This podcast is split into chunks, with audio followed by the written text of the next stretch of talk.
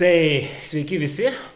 Šiandien toliau tęsiam neredaguotą pokalbius ir e, pasikvietėm mūsų jau keletą kartų turėtą VDU dėstytoją, politologą Bernarą Ivanovą. Sveiki, Bernarai. Sveiki, jo, dirbu su projektais paskutiniu metu. Ne, nebe, poli, nebe politologas. Jau. Politologas ir daugiau galbūt socioantropologas. Užimu daugiau socialinio antropologo poziciją, tai leidžia atsiriboti maksimaliai nuo to konteksto ir e, nesusitepti tuo, su kuo turi reikalų, nors aišku, dažniausiai nepavyksta vis dėlto. Tai kaip matot, puikus pašnekovas tinkamai temai, kalbėsim apie Lietuvos politinę padangę, apie tai, kokias e, politinės jėgas turim, e, kokias galima išvadas daryti apie tai, ką jos atstovauja, ar elektoratas yra patenkintas ir kai kam gal pasirodys keista, kad e, praėjus nuo rinkimų čia keliam mėnesiam jau kalbam, žodžiu, apie tokius dalykus, bet aš manau, kad čia yra viena iš problemų Lietuvoje, kad apie tai kalbama tik prieš rinkimus. Tai idėja ir yra, esmė, panalizuoti, kas vyksta dinamiškai, kad e, po to likus e, dviem mėnesiam nebūtų šokas e, tiek politikam, tiek rinkėjam, kas yra išlindę į eterį. Tai, Bernarai, mes jau esam keletą kartų šnekėję ir užgriebę tas temas. tai galbūt pradėkim nuo, nuo, nuo plačiau. Viena tai jūsų minčių, kuri daugam labai surezonuoja ir išmuša varpeliai, kai ją pasakai politikam ar politologam, E, tai yra ta, kad jūs esate nešalininkas e, proporcinės rinkimų sistemos, bet tik jos dar daisim. Kaip yra su tais politiniais kūriniais Lietuvoje, politiniam partijom? Viena iš jūsų minčių, kurie anksčiau buvo įsakyta, kad nu, mes neturim politinių partijų, ta tikrąją žodžio prasme. Tai, tai ką mes turim? Mm. Kas e, teatre svarbiausia? Na, o kas jūsų manimo teatre yra? Kokia vieta, kokia patalpa teatro yra svarbiausia?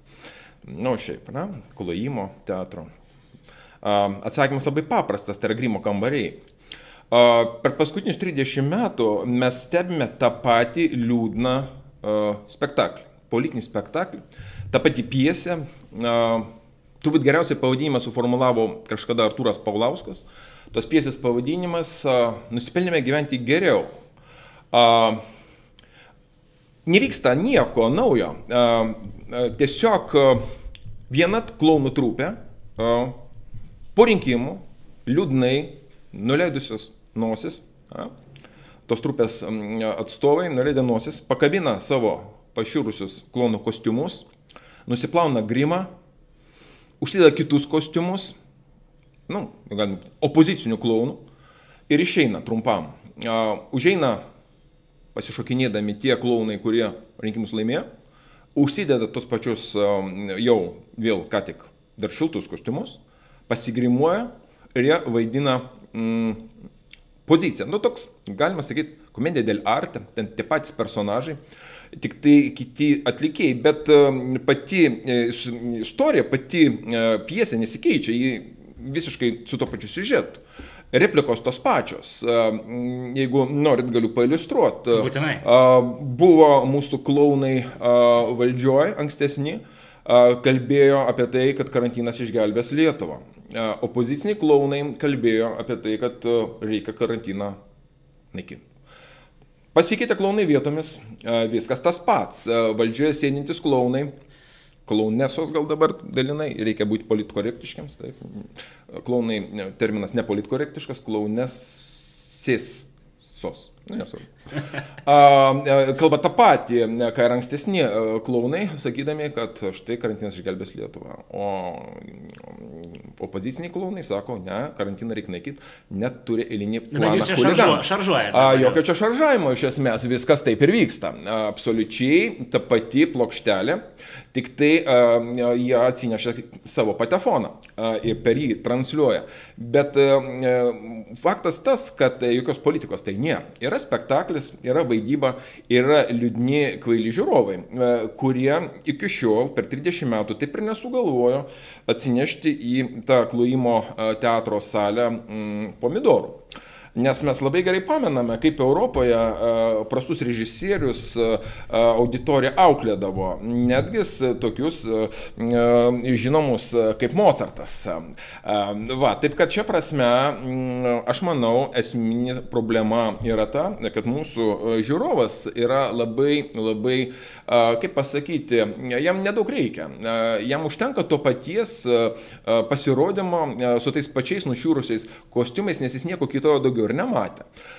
Išėję iš baudžiavos faktiškai ir iš sovietinio savoko, žmonės, jie neturi absoliučiai jokio a, kritinio backgroundo, jie neturi tradicijos, nei politinės, nei kultūrinės. Ir šią prasme mes turim, aišku, dėl to tą liūdnasi padėti, kai bet kokia valdžia tampa tuo, ko buvo jos pirmtakė.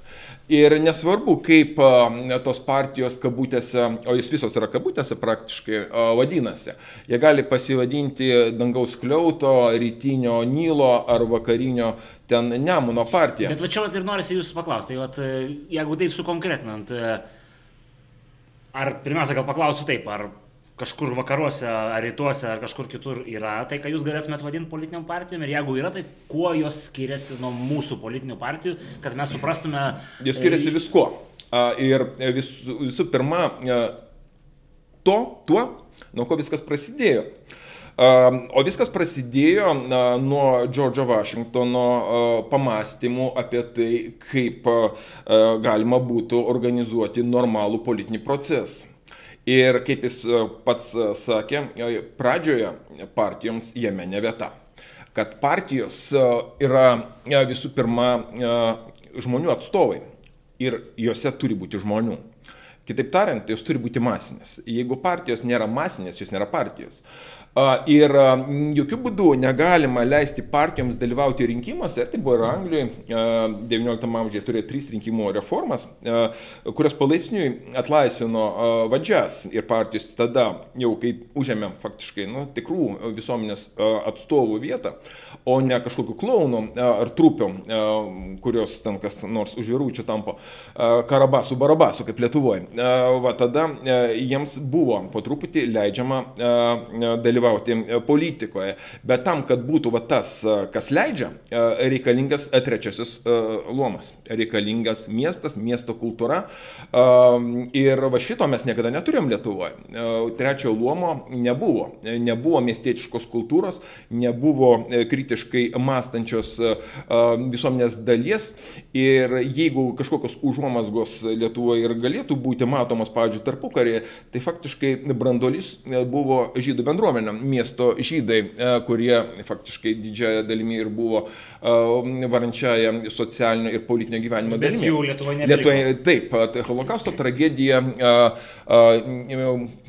įvyko ir šito labai svarbaus, aš sakyčiau, sluoksnio mes nebeturime. O turime tuos, kurie antra ar geriausiu atveju trečia karta nuo žagrės sovietmečių situacija buvo išaldyta ir mes turime tą, ką turime.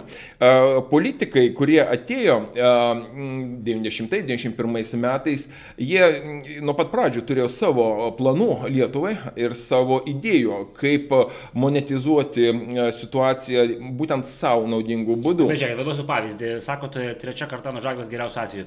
Tarkim, vienos iš didžiausių politinių judėjimų, kai atgavome nepriklausomybę, kalbu apie sąjūdį, nu, faktinis vadovas ar ne faktinis, bet, sakykim, kažkoks tai, žodžiu, kažkokia forma vis tiek turėjo tą veidą, jo šeima jau kažkelinta karta buvo aukštuomenė, vėlgi matyti tas pažydiškas kraujas, apie kurį jūs kalbat, tai turim tokių pavyzdžių. Protestantiškas, kalvinistinis, ja, kalvinistai buvo. Jie ja, tradiciškai, ne, aš kalbu metaforiškai šiuo atveju. Ir aišku, mes turėjome iš kelių žmonių, iš kelių giminių, kurios beveik galėtume suskaičiuoti ant rankos dviejų rankų pirštų.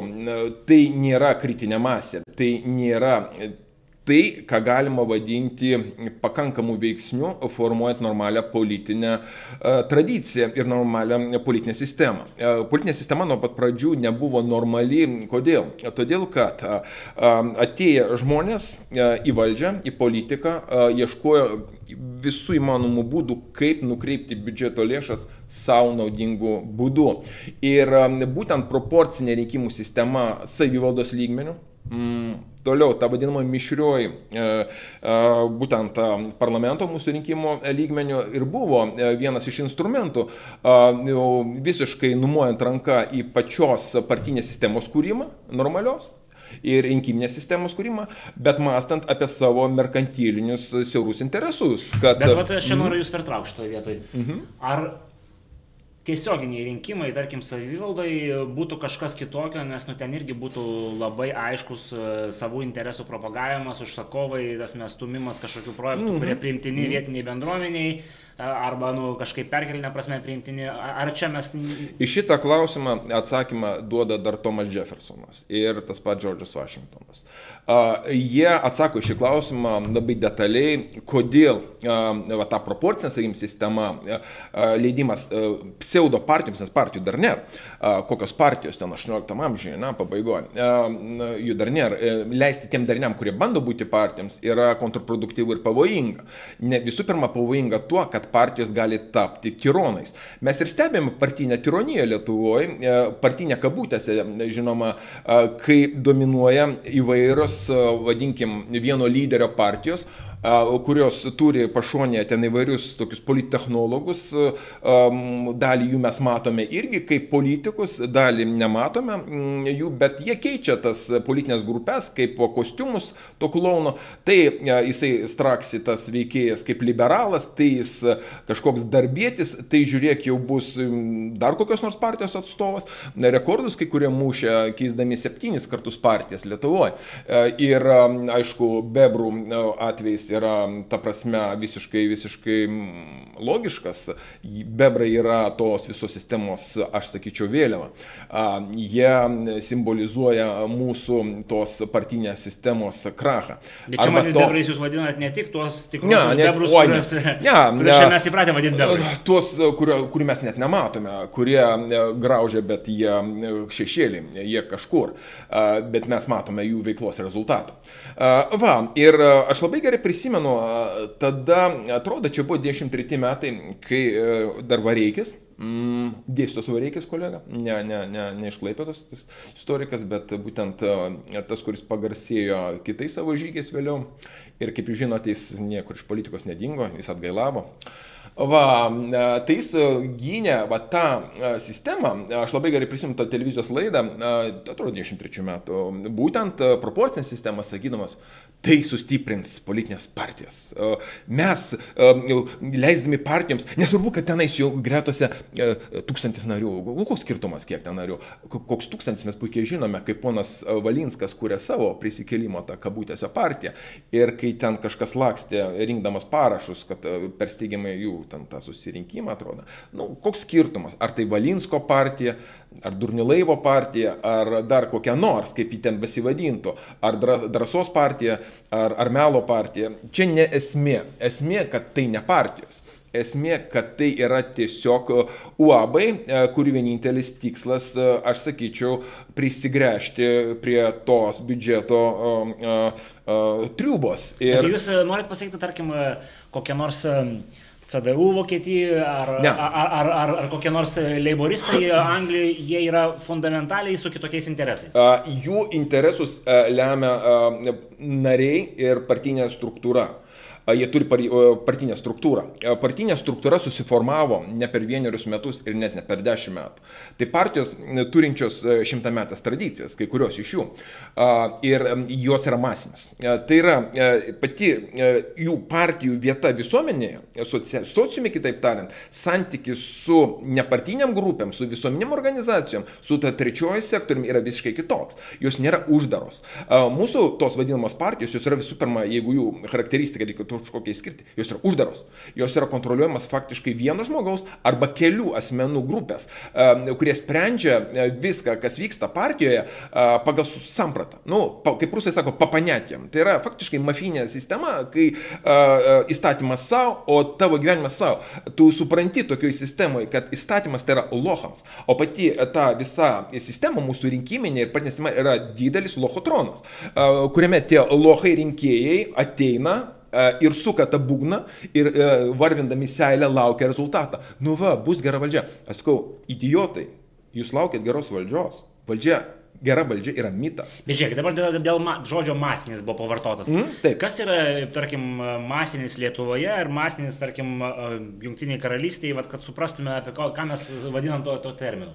Turi kalba eiti apie tam tikrą procentą nuo visuomenės apie ženklų procentą. Ne apie 0 kažkokį procentą, bet apie apčiuopiamą. Tai ar yra kažkokia statistika? Yra, pavyzdžiui? žinoma, kalba eina ir apie 10 procentų, plus partijos, kurios suinteresuotos, pavyzdžiui, Prancūzijoje, taip pačioj, suinteresuotos vis tik pritraukti, nes ten yra dar finansavimo partijų įstatymas, na, skaidriai funkcionuojantis, nusistovėjęs per dešimtmečius, pavyzdžiui, rėmėjus, ten yra toks dalykas kaip dar partijų rėmėjai, kurie nenori būti, pavyzdžiui, partijų nariai nariais, bet jie nori paremti, pavyzdžiui, dalyvaudami kampanijose, nešiodami e, skrajutes, klijuodami plakatus ir taip toliau ir panašiai.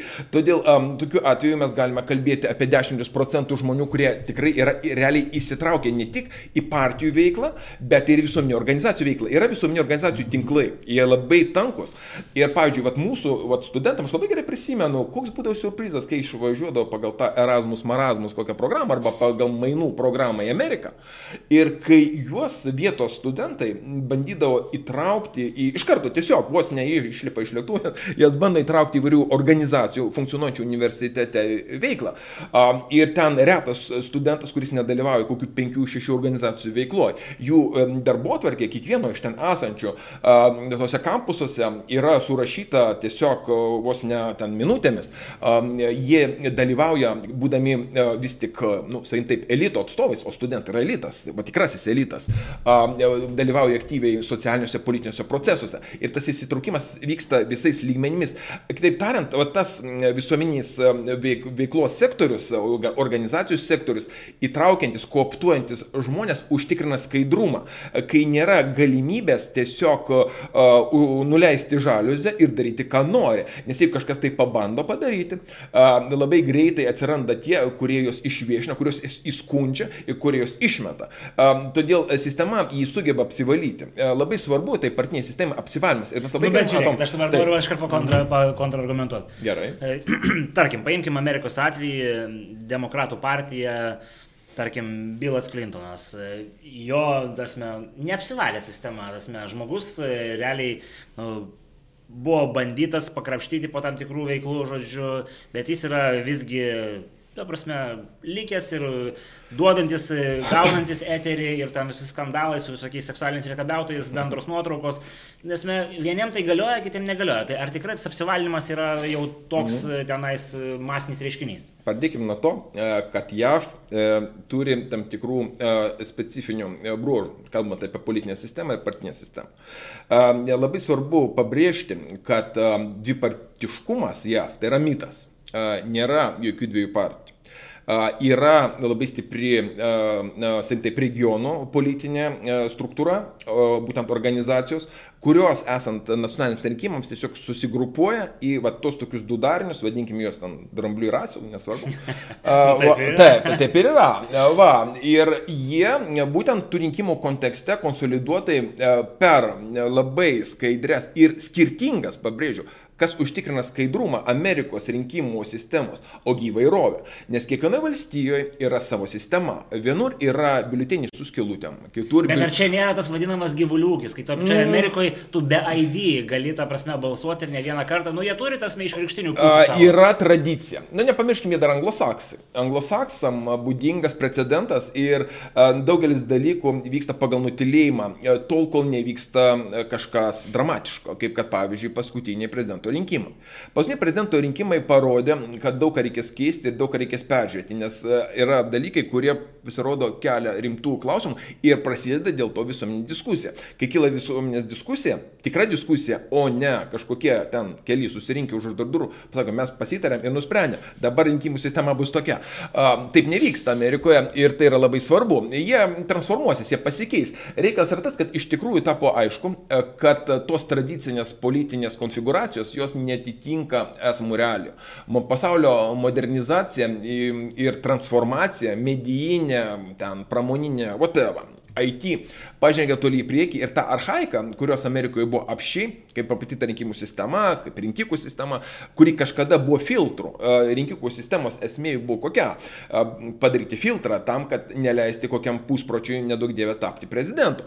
Va, ir institucinė sąranga šiuo atveju antras tas rubežius - teismų nepriklausomų sistema, institucijų, kitų valdžios sistema. Ir, pavyzdžiui, paskutiniai įvykiai Amerikoje parodė, kad ta institucinė sistema atlaikė. Net laikė dalinai partinė sistema, nes ji reikalauja akivaizdžiai transformacijų, reikalauja atstovavimo luomas žmonių arba grupė žmonių, kuri ilgą laiką nedalyvavo politikoje. Tai prasidėjo nuo Obamos, beje, kai juodaodžio, nu, Obama, kaip daugelis sako, tik išoriškai juodaodis, čia tas tiesa, nes savo visą esmę jis yra baltesnis už, baltuosius, jis yra to establishmento žmogus ir nepaprastai lojalus sistemai žmogus, tą mes žinom, bet tai nesvarbu, svarbu yra e, tam tikri va, tokie e, ženklai, e, ta pati semantika. Ir aišku, Obama pažadino ilgą laiką naudusius juodaodžius arba kitų etinių grupių grupių rinkėjus, kurie mane, kad Amerika ne jų ir kad Amerikoje jiems iš viso politikoje geriau nedalyvauti. Tos senos segregacijos padarinys, dar ėjęs nuo pilietinio karo laikų ir tos visos e, ten restauracijos e, ir, ir kultūros klano ir taip toliau ir panašiai. Kai buvo nusistovėjusi va ta tokia establishmento dviejų rankų sistema, e, demokratų ir respublikonų ir visus tenkino, bet staiga pasirodo, kad norisi kažko aštresnio ir kad tas aštresnis ateitų, e, buvo pakviestas Obama. Ir jis iš tikrųjų ištraukė dalį elektorato, tai yra dešimtis milijonų žmonių, kurie prabalsavo, kurie pabūdo ir tada kilo diskusija apie ką, kaip dažniausiai būna transformacijų metu, apie paminklus. Buvo sudarytas paminklų sąrašas, kurį niekas nerūšė nuo pilietinio karo metų, kurios reikia vėlniau apgriauti. Greuti paminklus sugalvota buvo būtent tada ir jos po truputį pradėjo greuti. Jeigu, kaip sako Foucault, ar na, švituoklė pavažiuoja vieną pusę, ji turi grįžti ir į kitą. Ir prasidėjo švituoklės efektas, kurį mes gerokai vat, stebėjome per paskutinius 5-6 metus, kai iškilo ir tas garsusis Trumpo fenomenas. Juk jeigu yra vienam flangė radikalų, atsiras ir kito, aš jau nekalbu apie Bernie Sandersą ir kai kurias kitas, sakykime taip, radikalias kairio flango herojas būtent demokratų partijų. Taigi dešinioje flange turėjo atsirasti kažkas kito. Ir aišku, tas dešinys respublikoniškas flangas e, visiškai sąmoningai e, pakvietė guest starą, e, kuris puikiai atliko tą vaidmenį. Netgi taip puikiai, kad net niekas to nesitikėjo, kad taip puikiai. Jis absoliučiai nusipelno net ne vieno Oskaro, manau, kelių. Tas vaidmuo ir už režisūrą, ir už atlikimą, ir už efektus, ir už grimą, už viską. Jis nusipelno, turiu omeny Trumpą, žvaigždės turi, bet uh, Oskaras jam tikrai priklauso, kaip minimum. Gaila jam dabar neduos. Neduos jam tikrai. Oskaras dabar politkorektiškumo uh, tapo tam tikrą prasme simboliu, o Trumpas antipolitkorektiškas pačia visą savo esmę. Tačiau mes nepamirškime, kad tie jo oponentai, tie, kurie griovė paminklus, degino um, teisingas parduotuvės, aš turiu minį Ermė ir Louis Vuitton, jie žino klasę, kad pinigai yra klasė, jie supranta, bet irgi yra um, tie patys, e, kaip ir Trumpas, antisisteminiai ir tie patys e, radikalai, sakykime taip. Tik iš kitos pusės. Tik iš kitos pusės. O kaip sako mums e, politikos mokslo įvairios teorijos, tyrinėjančios ideologijas, kad kraštutinumai faktiškai yra tos pačios, na, vat, apskritimo dalies vietoje. Jo, tai tarp kitko, va šitoje vietoje noriu įsitar pasakyti, kad mm. vienas jūsų universiteto kolega yra kažkada man minėjęs, sako, o jeigu Trumpas Trumpas rastų bendrą kalbą su Bernie Sandersu, jie galėtų užvaldyti Ameriką, žodžiu. ja, galėtų, bet reikalas tas, kad jo, buvo precedentas. Hitleris savo Bernie Sandersas sutiko, tiksliau ten buvo atvirkščiai. Nacionalsocialistas buvo Hitleris, o jį paremė labai turtingas dešinys magnatas. Ir būtent tas jų alijansas va, sukūrė tai, ką mes žinom kaip nacizmą. Va, taip kad jo, tokie alijansai gali toli nuvesti. Bet tai gal grįžtam, grįžtam prie to filtro. Vat paminėjote, mm. kad vakaruose yra filtras, kuris išfiltruoja. Ja, visuomeninis filtras. Tai yra visuomenė, pati visuomenė, į pati visuomenė aktyvi pilietinė organizacijose, pačiose įvairiausiose dalyvaujanti ir stebinti politinį procesą filtruoja. Nes juk koks tikslas tų pačių organizacijų, net ir nesančių partijose, reikia suprasti, tai yra mm, toks, tokia mozaika ir mm, tos visuomenės organizacijos, kurios gali užsimti belekuo, jos gali užsimti ekologiją, gali užsimti gyvūnų ten priežiūrą, gali užsimti teisinę pagalbą, gali užsimti ten infrastruktūrą, whatever, visko gali užsimti, bet jie vykdo monitoringą politikos ir jų e, svorio, jų asociatyvumo to tarpusavį asociacijų turiuomenį visų pirma, pakanka, e, kad daryti spaudimą, daryti spaudimą politikai tiek, e, kad būtų vis tik užtikrinamas, nu kaip sakyti, maksimumas to, ką galima laikyti viešą interesą, kad nebūtų nueita į tą, ką mes turim Lietuvoje, tai yra sisteminė korupcija. Bet žiūrėkit, ar šitoje vietoje dar nėra dar vieno dėdamojo žiniasklaidos, kuri irgi turėtų... Be jokios abejonės. Bet tarkim, toje pačioje Amerikoje jis yra nu, gerokai sulankstytas, o mm. tarkim Lietuvoje, mm. nu, jis irgi kažkoks... Lietuvoje tragedija. E, Šią prasme apie Ameriką pasakysiu. E, transformacijos įvyko e, tada, kai pavyzdžiui kilo televizijų monopolio klausimas, aš turiu minį Ternerio, būtent imperija, kuri buvo išskaidyta, decentralizuota ir mes dabar puikiai žinom, žinom, koks kieno kanalas. Ir kokie... Bet ar ten tikrai tokia įvairovė yra? Ten uh, pavadinimų daug, bet jie visi įvairovė. Uh, jo, įvairovė yra tiek, kiek ji buvo reikalinga anksčiau.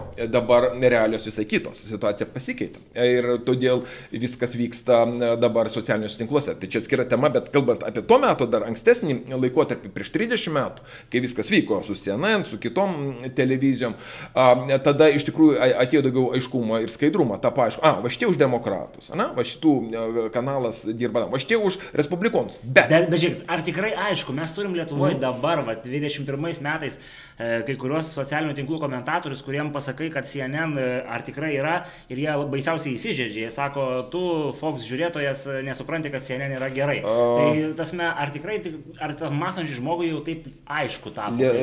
Mąstančiam žmogui taip, komentatoriam ne. Nes jie nėra mąstantis daugumai savo. Jie yra marginalai, verdantis savo sultyse ir savo paranojose, mirkstantis kaip taisyklė. Kalbant apie patį Amerikos establishment, ten visiems daugmaž aišku, kas vyksta. Bet, vad kaip ir sakau, tas pabudimas yra labai svarbus dalykas ir tame tarpe medinį erdvėje, nes Trumpas pažadino maždaug 30 milijonų, nu vadinkim juos, jeigu norite, rednekais, arba vikingais, arba tos vieno aukšto Amerikos, centrinės Amerikos skur, ne, skurdžiais. Ten tas sektorius visada, kaip ir juodaodžiai, gyveno segreguotai. Jie apskritai net Amerikos nelaikė savo, kaip sakyt, valstybę, jie buvo tokia valstybė valstybėje, jie nusipirkė savo tos bumstikus, sėdėdavo apkasuose ir laukdavo apokalipsės, kaip mes žinome.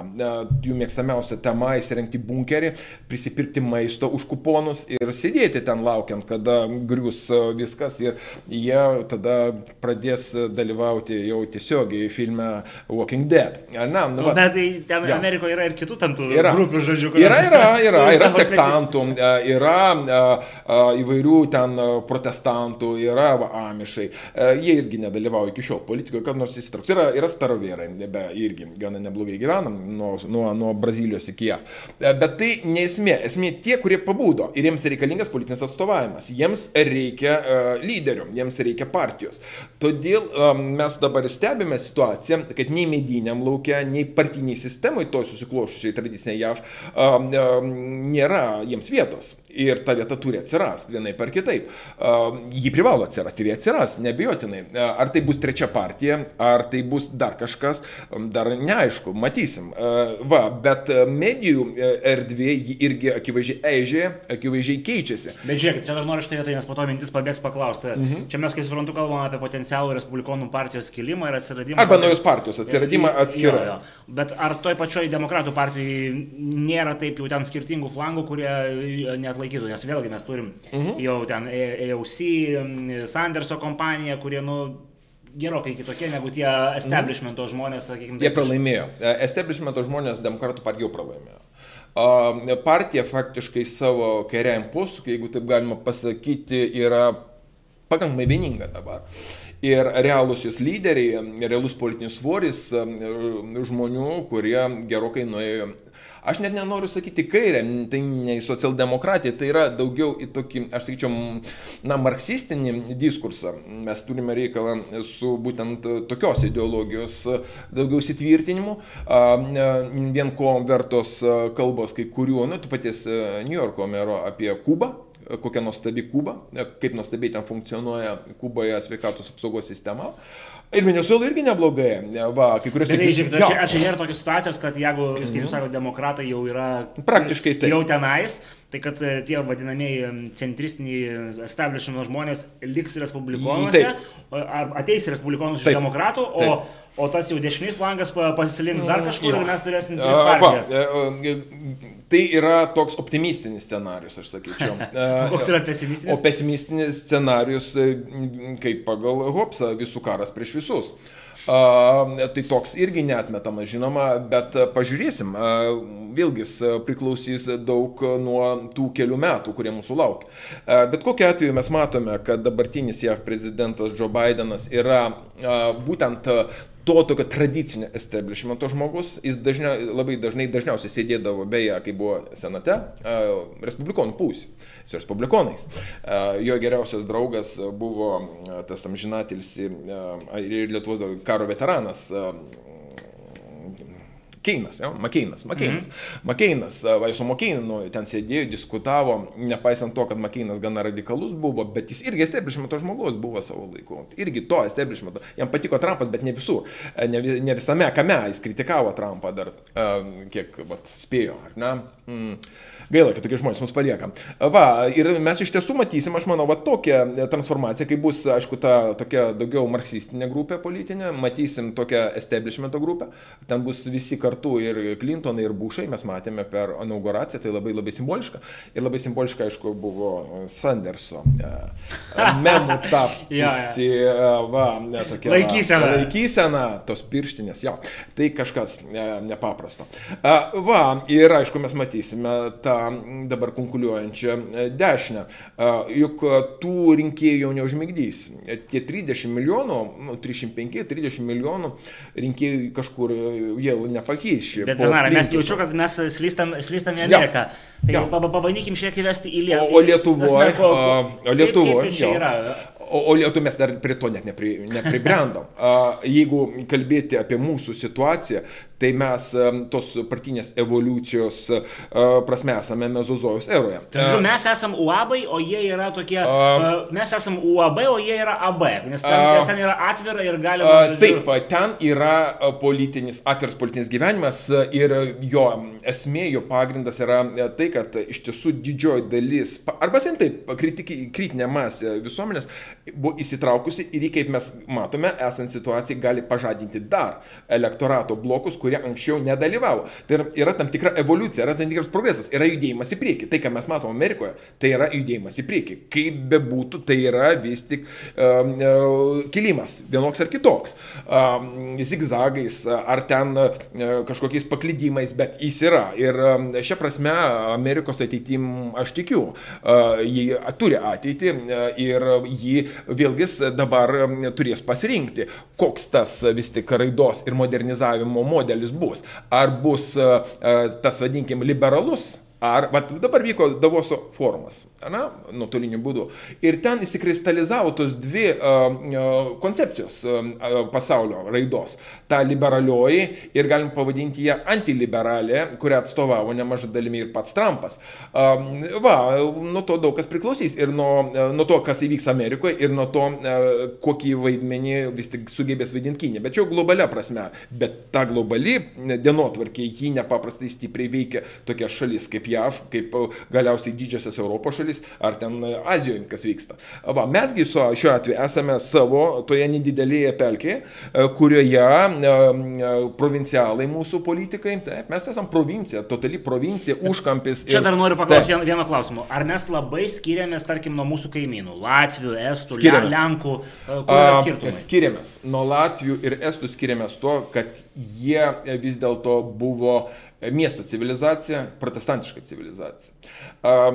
Čia yra esminis pasaulyje žiūros toks momentas ir dėl to niekada nebuvo įmanoma įvykdyti, įgyvendinti Jono Šliūpo projektą Janio Rainio Lietuvos ir Latvijos bendros valstybės. Nes mūsų identitetai skiriasi iš esmės, struktūra skiriasi iš esmės ir pagrindinis vat, būtent momentas yra vis tik religinis. Tas civilizaciniai tam tikrai momentai, jie, mes žinom, tą konfliktą, civilizacijų konflikto, kurį klasikas aprašė, jis grindžiamas yra būtent religija. O religinės vertybės jos yra tvirčiausios, stipriausios ir labiausiai darančios įtaką tam, ko net žmogus ir net reflektuoja. Taip kad jie miestų civilizacija, jie nemažai vokiška civilizacija, jeigu kalbėti apie pačią apie Latvius. Riga vokiškas miestas, vienintelis pavaltijų miestas. Todėl čia ne variantas, mes nesame nei Latvijai, nei Estai. Su, su Lenkais mes artimesni ir kaip mes matome, Lenkijos politinė dienotvarkė artimesnė mūsų politinės dienotvarkės, ten labai artimos problemos tam, ką mes turime, tik mažesnių mastų. Ta, ta pati UABų problema, ta pati ragonų medžioklė, tie patys bolekai, agentai, kaltinimai, nu, pas mus kaltinimai Landsbergiui, ten kaltinimai Valensai, kad jis kažkoks bolekas, nu, vertink jų, arba šiuo atveju Valencijos gyvenimą, o ne kažkokias ten galimai, apskritai klastotės. Bet čia nesmė, esmė tai, kas vyksta, o vyksta būtent akivaizdžiai Lenkijoje tas, kas mūsų laukia taip pat. Tai yra slydimas perėjimas, aš manau, į autoritarizmą iš dalies ir aišku į va, tokių partijų uzurpavusių valdžią diktatą. Nes e, ten, aišku, tos partijos didesnės, e, žmonių aktyvumas. Ten kitoks. galima kalbėti apie tą masiškumą. Va, jo, ir galima kalbėti apie masiškumą, nors vėlgi proporciškai, žiūrint e, va, į gyventojų skaičių, ten viskas tada kitaip atrodo. Bet Lenkijoje mes turime juk galiausiai didesnę miestų tradiciją, didesnį pilietinį bloką ir mes matome galiausiai ir rimtesnius protestus, kylant kažkokiem nesklandumam. Na, bet apie protestus ten jau yra ilga jo, tema, aš turiu patys įvairiausi. Aš turiu vieną Lenkų kilmės lietuvį, su kuriuo mes mm. apie Lenkiją epizodiškai darom. Ir jis kaip papasakoja, kas tos Lenkijos e, protestus kursto, tai ten yra labai tokių dviprasmiškų. Kurstos iš visų pusių. Ir iš dešinės, ir iš kairės. Ir uh, tie protestai ten yra patys įvairiausi. Pas juos yra ir uh, nacikų nemažai, kurie taip pat protestuoja. Nu, jie turi ir komunistų partiją, kuri yra, kuri yra. Ir turi, ir, ir, ir, ir turi ir Black Bloką, ir anarchistus turi, viską turi. Pas juos tas, ta prasme, politinis gyvenimas pilnas. Pilna, jo, pilna pilnatvė, pilnatvė politinė pas juos didesnė, ta prasme, jo. E, ir e, jie, ta prasme, nu, geba turbūt priimti lengviau daugelį e, tokių, nu, naujovių netgi ir net medijinės sferos prasme. Bet tai jūsų klausant, pas mus yra blogiau negu Latvijoje ir Estijoje ir blogiau negu Lenkijoje. Tai, negu... tai mes kaip Baltarusija. Kas mūsų artimiausias pavyzdys? nu gal Kazakstanas. A, va, bet kokiu atveju mes turėjome ilgą laiką, turėjome vienai par kitaip, a, bet atitrūkusią nuo politikos mediją. Ji buvo užrišta ant oligarchų grupių, žinoma, įvairių, bet jos santykis su politika buvo netoks tiesmukas, kaip paskutiniu metu, kad mes matome, kas įvyko turbūt per 20 pagrindinę metus. Juk visada medijų pozicija turi būti visuomenės pusėje, arba bent jau trečio sektoriaus pusėje, kad ir verslininkų ten nesvarbu, bet visuomenės pusėje. Negali medijos kalbėti valstybės vardu, jos bet, negali būti valstybės rūporas, bet Lietuvoje jos tapo. Bet čia jau matyti pati Amerika, galima paminėti, jos kai kada mm. su, sulimpa. Uh, sulimpa, uh, jo, bet ten vis dėlto, jeigu mes pasižiūrėsime, tas sulipimas nėra totalus, nes uh, paskutiniai, pavyzdžiui, Fox News interviu, Trumpo interviu, jie buvo kaip tardytojo ir kalinio. Jie savo leido jį tardyti taip, kaip kad, nu, Lietuvoje kišeninė medija niekada neleistų savo tardyti savo boso, ar ne? Va, taip kad čia prasme skirtumas vis tik yra. Mes negalime sulyginti tų atvejų. Nu, pas mus yra... irgi tardo, nu, pasižiūrėkim, pavyzdžiui, nepastebėjau, nežinau. Kokia, aš, aš, jeigu būtų teisinga konjunktūra būna, tarkim, LRT pasikviesdavo anksčiau iš buvusios valdžios, jeigu ateidavo ir ten viskas sukrisdavo, ką nors ir nu, kažkokios meilios rankos nebuvo. Dabar mhm. situacija galbūt yra šiek tiek kitokia. Žiūrėkit, čia situacija iš tikrųjų yra e, kokia. E, reikia pasigilinti į detalės. E, yra situacija iki 20 metų ir po 20 metų.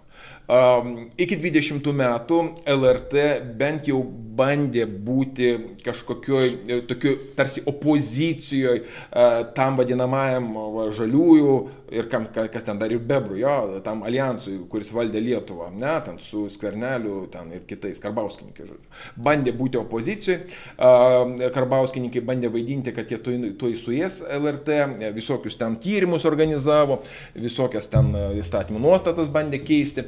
Va, bet mes puikiai žinojom, kad vis tik diskursas LRT yra konservatoriškas, kad LRT vis tik daugiau ar mažiau kalba būtent naudodami konservatorių retoriką. Ir jų... Bet tą retoriką naudoja ir Delfis, ir 15 minučių. Tai, tai be jokios abejonės, nes šią prasme, nu, vėlgi, ten yra savi interesai. E, kam priklauso 15 minučių pasižiūrim, ar ne, pasižiūrim, kam priklauso Delfis. O, nu, kaip, pamenu, kur ten buvo buvo ten konferencija, valstybės konferencija, tapo dalyvauti ir ten vieno portalo redaktorė tiesiai išėsė pasakė, mes turime tame tarpe propagandinę funkciją. Ir ten buvo kalba ne apie tai, kad ten plauti smegenis apie koroną ar apie kažką tokio, bet kalba ėjo apie Rusiją, kad reikia atgrasyti Lietuvą nuo uh, Kirkorovo nuo Lepso, nuo tos uh, pašvinkusios, tos postsovietinės Rusijos popso. Uh, suprasti, didžiausia problema, tai ką klauso ten kokie taksistai Vilniuje. Uh, va, ar į koncertą, kur ten susirinka keli tūkstančiai paklausyti to bulgaro, ar ne? Va, kuris net ne rusas. Uh, va, tai, čia, čia, čia yra, supranta, pati klaunada. Uh, nu, čia gal yra problema, bet jinai yra pakankamai mažo dydžio, lygiai su kitom problemom. Jie, per mažus dalykus tu gali pažinti ir didesnius, čia kas be ko. Tai yra va, suprojektuojama, na, iš mažų dalykų į didesnius tu gali tų atvejų kontekste kažką bandyti suprasti apie tai, kas vyksta, ne, globaliau truputį Lietuvos politikoje, jeigu apskritai tos žodis globaliau tinka mums. Va, taip kad čia prasme mes e, dėl e, tos tokios e, neskaidrios rinkimų sistemos suformavome pseudo partinę sistemą, kaip skauta lochotroną, kuris tasuoja tos pačius personažus, tas pačias verslo grupės ir tik tai yra niuansai. Niuansai yra kokie? Ar ten veikia verslo grupės per tarpininkus, ar tiesiogiai. Nes ilgą laiką e, tų, vadinkim, e, mažų partijų sakykim taip, potencialas buvo užrištas ant tam tikrų oligarchinių grupų. Bet vėliau, kai Lietuva stojo Europos Sąjungą, oligarchai atėjo tiesiog į politiką ir mes juos pamatėm. Aš labai gerai prisimenu, turbūt 2003 metų Uspaskicho pareiškimą, kodėl jis eina į politiką. Jis tiesiog pasakė, reikia Lietuvai padėti teisingai įsisavinti ES lėšas. Bet jis į politiką atėjo jau 2000-aisiais. Jo, jo, jo, jo, bet, bet ministrų jis tapo Taip. ir partijos reikalai tie pajudėjo į priekį truputį vėliau, kai, kai Brazauskas tada bandė nuo jo atsižegnuoti, sakydamas, tai kas vyksta ūkio ministerija nieko bendro su vyriausybė neturi, ten, ten suprask, atskira kunigaikštystė ir ten yra atskiras, kaip ten sako Valatka, knezis, taip, knezis. Va, no, bet tas knezis populiarus gyvatė, nes jisai charizmatinis lyderis, va čia sutapo. Pamenat, jeigu va, buvo toks Romanovas, jis pabandė kurti, bet jam su charizma ne viskas buvo gerai. todėl teko išvykti. Nu, esmė, jam ne tik su charizma buvo negerai. jo, jo, jo, jam ir su banku buvo nelabai gerai. Ir, ir su viskuo, su viskuo, ir su Mercedesu turbūt buvo negerai, pakaba drybėjo. Va, žodžiu, žodžiu taip, e, bet va, Uspaskicho fenomenas nemažai dalimi yra susijęs su jo asmenybė. Tai unikalus atvejis. Pavyzdžiui, kai neturėjo charizmos, va kaip Karbauskio atveju, turi kviesti gestarą. Bet žiūrėkit, va čia, va čia yra viena, viena iš tų problemų, kad aš iš tikrųjų antrą kartą matyt sutikau žmogų, kuris yra šalininkas tiesioginių rinkimų ir pirmą kartą aš jį sutikau Taip. per televiziją, kai dar buvau paauglys ir tai buvo Uspaskichas, kuris šnekėjo, kad naikinkim uh proporcinę, palikim, žodžiu, tada Mhm. kažkaip e, vyresnė auditorija mano šeimos rate, gal giminių sakė, klausė, tu čia, e, aš, aš domėjausi politiką, sako, jo interesas aiškus nupirkti per vietinius rinkimus, tai ar mes ne, neužsidarytume į kitą problemą, jeigu panaikintume. žodžiu, širvintų fenomenas, na, Pinskuvienė. Tokių problemų gali kilti, žinoma. Pirkimas Lietuvų policijos nėra. Pas mus tik tai kažkas uniformas dėvė. Pamenat, kartoniai stovėdavo pakeliuose, tai va, simboliška. Jo, pas mus ta policija ir teisėsauga kartoninė ir ta prasme, aišku, jie nesugeba sugaudyti tų, kurie tenais perka balsus ar už dešros gabalą, ar na, va, liepia vienai par kitaip balsuoti. Nu, taip, šią prasme, kai neveikia teisėsauga, nu, taip, bet čia yra problema ne Uspaskicho netgi, o teisėsaugos problema. Bet tai žiūrėkit, yra vienas toks sprendimo variantas, kuris matyt e, palengvintų. e, Padarom visišką pluralizmą, nuimam tą kartelę, kaip kokioj tenais, e, kur ten, e, Olandijoje, man atrodo, jeigu neklysiu, ar Suomijoje, kur ten po to išsidėsto pagal tai, kaip patenka, kas tai yra, kas tai minimali, minimali kartelė. Tada turėsim visus, kurie, žodžiu, sugebės įtikinti e, potencialų rinkėją ir bus tas avilys, aišku, Va. atsiranda problema, bet E, Matot, e, kalbant apie Suomiją, e, mums jis ne visai geras pavyzdys. Suomija netgi būdami e, didžiąją kunigaikštystę Rusijos sudėtyje 19 amžiuje turėjo visiškai laisvą politinį gyvenimą.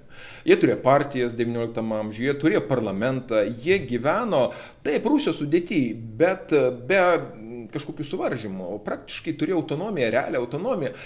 Galiausiai turėjo ir a, gerą auklėtoją, demokratą, nu, aišku, ką, generolą, a, Mannerheimą, kuo taip, jis juos gerokai pastatė, ar na, mes tokio neturėjom. Tai irgi uždeda savo tam tikrus politinės kultūros, sakyčiau, nu, kaip šviturėlius, ar ne? Faktiškai e, jų politinė kultūra ir sistema nuėjo ilgą 200 metų kaip minimum kelią. Ir čia mums lygintis su atrodytų labai artimais, netgi vienoje imperijoje gyvenusiais, ar ne, neišeina. Aišku, ir dėl religinės tapatybės irgi savi tenais momentai ir savi tarakonai. E, Va, mūsų esminė problema ir yra ta, e, kad e, visos tos institucinės transformacijos, kurios buvo daromos po 91 metų, buvo daromos profanuojant, buvo daromos imituojant ir buvo daromos nepaprastai skub, paskubomis. Mūsų ta pati konstitucija per dvi savaitės buvo parašyta iš esmės. Nu, bet buvo Ne, bet tai ne- nesmė. neordinarios E, Va, sąlygos, tai nesmė. Nu, Lenkai padarė kitaip, jie padarė laikiną konstituciją, paskui po septynių metų priėmė jau pastovę. Bet aš pasitikrinsiu, ar Lenkija stovėjo rusų kariuomenė, žodžiu, valstybėje. Jaruzelskio stovėjo, Jaruzelskio stovėjo dar kol kas, bet aišku, čia detalės. Ne, 93-93 metai, kai tie visi procesai vyko, a, jau Rusijoje buvo Jelcinas. O Jelcinas ir Jelcinizmas, kaip sakoma, nu, visai kita jau istorija. Tai jau nebe, nebe Kričkovo, nebe Jazovo ir nebe Pugo istorija. Ir Makutinovičiaus jau nebebuvo Vilniuje su Omonu to. Jo, bet kla- klausimas yra didelis ir čia aišku kita tema, mhm. bet e, ar tikrai ta Jelsino grupė, va aš neseniai girdėjau vieną podcastą, mhm. kalbu, kalbu apie Bačiulį, kuris pasakoja istorijas, e, kaip transformavosi Jelsino šalininkai per dešimtmečius ir O, taip, da, dabar, kad jie, jie sutikti, jie, mm, tasme, kokį mm, ten buvo pavyzdys Genzelio pateiktas, kaip jis sutikė, sutikęs juos norėjo apsikabinti ir jie sakė, eik šalin išdavykė, žodžiu. Tai, ta prasme, ar, tik, ar, tikrai, ar tikrai ten buvo tie patys vizijos, galbūt kažkas ten vienijo, demokratizavimo procesas, bet jo, jo iš taškai, go, tikslai buvo visiškai kitokie. Matyti. Buvo idealistų, buvo iliuzijų. Ir pas mus, ir ten. Čia nėra ką ir sakyti. Tos iliuzijos um, ir greitų permainų viltis um, daug kas suvienijo, bet jos neįvyko. Lietuvoje, kaip mažoje šalyje su atitinkamai visiškai kitokiu backgroundu, priešingai negu Rusijoje, buvo bet paprasčiau. Dar, dar vienas dalykas. Aš kaip iš, to, ką girdžiu, jūs sakot, kad Katalikybė yra viena iš problemų Lietuvoje. Ne problema, ne, čia ne problema, jokia problema. Atvirkščiai, aš sakyčiau, čia tam tikra prasme mūsų e, saugiklis. E, nuo ko? Vertybinis saugiklis. E, nuo, galim sakyti, priešintis nuo nacionalizmo. Kodėl Lietuvoje nebuvo nacionalizmo niekada aršaus tokio Pikto. Prieštaraujančių jums būtų daug, bet nebuvo. Ne, be, jo nebuvo, bet jo nebuvo. Buvo tautininkų partija, buvo Gelžinis Vilkas, e, buvo Valdemarininkai, bet tai fragmentai, tai yra niuansai. Jeigu mes paimsim net mūsų persirgimo sąjūdį, ne, nu sąjūdį jau po 88 metų, ten buvo visų tautų atstovų. E, buvo žydai, buvo rusai, buvo lenkai ir buvo konsensusas, nes nebuvo nacionalizmo, protestantizmas labiau linkęs į nacionalizmą. Bet žiūrėkit, na, aš noriu jūs paklausti, dėstytoju, mm. ar tikrai nacionalizmas čia tinkamas e, kaip e, baubas, nes nuo nacionalizmo ir nacizmo skirtumai yra... Baba, ne, ne, net ne baubas, tiesiog aš turbūt vartoju tai tokia daugiau Šalkauskio sampratos prasme, nes jis nacionalizmui būtent suteikia tokį gana, nu, jau radikalų pavydalą. Aš kalbu apie tokį jau labiau radikalų reikalų, kuris buvo būdingas, sakykime, Latvijom ir Estam per jų nacionalinio fronto veikimo tą laikotarpį. Jų situacija buvo, ta prasme, kita. Protestantizmas kaip po toks, jeigu mes kalbame apie religiją, labiau yra, kaip pasakyti, didė, labiau skatina į tą tokį, suprantat, nacionalinį uh, užsidarimą, nes juk protestantai kaip tik ir siūlė skaityti Bibliją tautiniam kalbom, nekent, ką čia slėpti, uh, Martinas Liūdės Liuteris buvo ašus antisemitas. Bet tai čia žiūrėk, čia atsirado toks Dar paradoksas. Viena vertus e, mes turim e, tą patį Latvijos pavyzdį, Suomiją, kurią kalbėjom, mhm. kur protestantizmas iš principo juos išgelbsti, nes jie tampa labiau politiškai. Ne, jos išgelbėjo ne tai, jos išgelbėjo miestų kultūra, e, miestietiška kultūra, ne protestantizmas. Čia Kavolio sena idėja, jis buvo pats kalvinistas, sena idėja, kad protestantiški kalvinistiniai kraštai girdi gyvena geriau negu katalikiški. Nu, čia yra mitas ir aišku pritemptas gerokai už ausų, tokie apibendrinimai visada labai šlubuoja ir taip nėra. Bet kalbant apie nacionalizmą, būtent patį, miestiečiams labiau būdingas, miestiečkoji kultūra labiau būdingas, nes juk kada pas mus Lietuvoje kyla tokia antisemitinė daugiau banga, būtent kaip daugiau valstiečių atvažiavo į miestus ir pradėjo konkuruoti su žydų verslu. Verslo organizacija antisemitinė, laikraštis verslas, kurį netgi Smetona, kuris tautininkas buvo, tautininkas, tautiška ta srovė, sakykime, cenzuravo ir gana nuožmiai. Bet žiūrėkit, e, nacionalizmas ir tautiniškumas. Čia tas pats dalykas. Ne visai, ne visai. O ko, ko, ne kaip, kaip, kaip tada paaiškinti? Šalkauskis atsako. Kaip tada užsieniečių paaiškinti, kas Va, yra tautininkas? Sudėtinga, sudėtinga tai paaiškinti. Nes Šalkauskis šį klausimą atsako. E, nacionalizmas tai yra ta radikalesnė, sakykime, e, to tautiškumo forma, tiesiog radikalesnė. Išvers, kaip išvers kolegai? Radika, va, va, Yra, e, pavyzdžiui, e, nu, apie nacionalizmo, etnopolitiką, e, kursas tas skaičiau ir brošiūrką tokią parašėm, netgi su kolega profesorium Amžinatilsi. Va, yra, yra teoretikai, kurie klasifikuoja nacionalizmus, dėlioja juos į tam tikrus tokius, kaip pasakyti, gardelius. Ir šia prasme turbūt be negeriausiai mums tinka toks tyrinėtojas Has. Jis dėlioja nacionalizmą nuo liberalaus nacionalizmo iki kraštutinio, šovinizmo, ten toliau nacizmo. Ir ten yra tas klasikinis nacionalizmas, jau poliberalos. Liberalus nacionalizmas tai yra štromas. Na, vat, žydų kilmės liberalus nacionalizmas, jam būdingas net Pazdonskis, pamenu, studentė rašė tokį darbą apie liberalų nacionalistą štromą, kuris atviras, nu, kurio ide, idealai tai tas atviras tautų bendravimas, bendradarbiavimas, žodžiu, ir kooperacija. Tai irgi nacionalizmas, tik liberalus. Toliau net tas klasikinis nacionalizmas, kurį galima vadinti tautišku daugiau tokių diskursų jis e, e, už suverenų tokį daugiau uždarą, tačiau e, pagarbų santyki su kito, kitom šalim. Ir tokiu atveju tas pats tautiškumas jis nepersmelkia visų gyvenimo sferų. Jis yra tik tai dalis to politinio gyvenimo, politinio diskurso, partinio gyvenimo ir tiek. Toliau yra integruojantis nacionalizmas, kuris būdingas jau smetonai.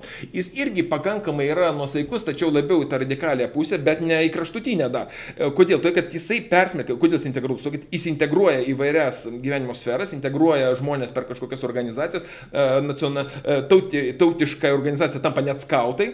Va, ir, ir panašiai, žodžiu. Tai, va, bet jis vis tik nėra kraštutinis. Mes negalim kalbėti apie tai, kad va, čia yra tas jau nuožmus kraštutinis, va, o į, toliau į, į dešinę einant, tai jau, aišku, valdemarininkai būtų.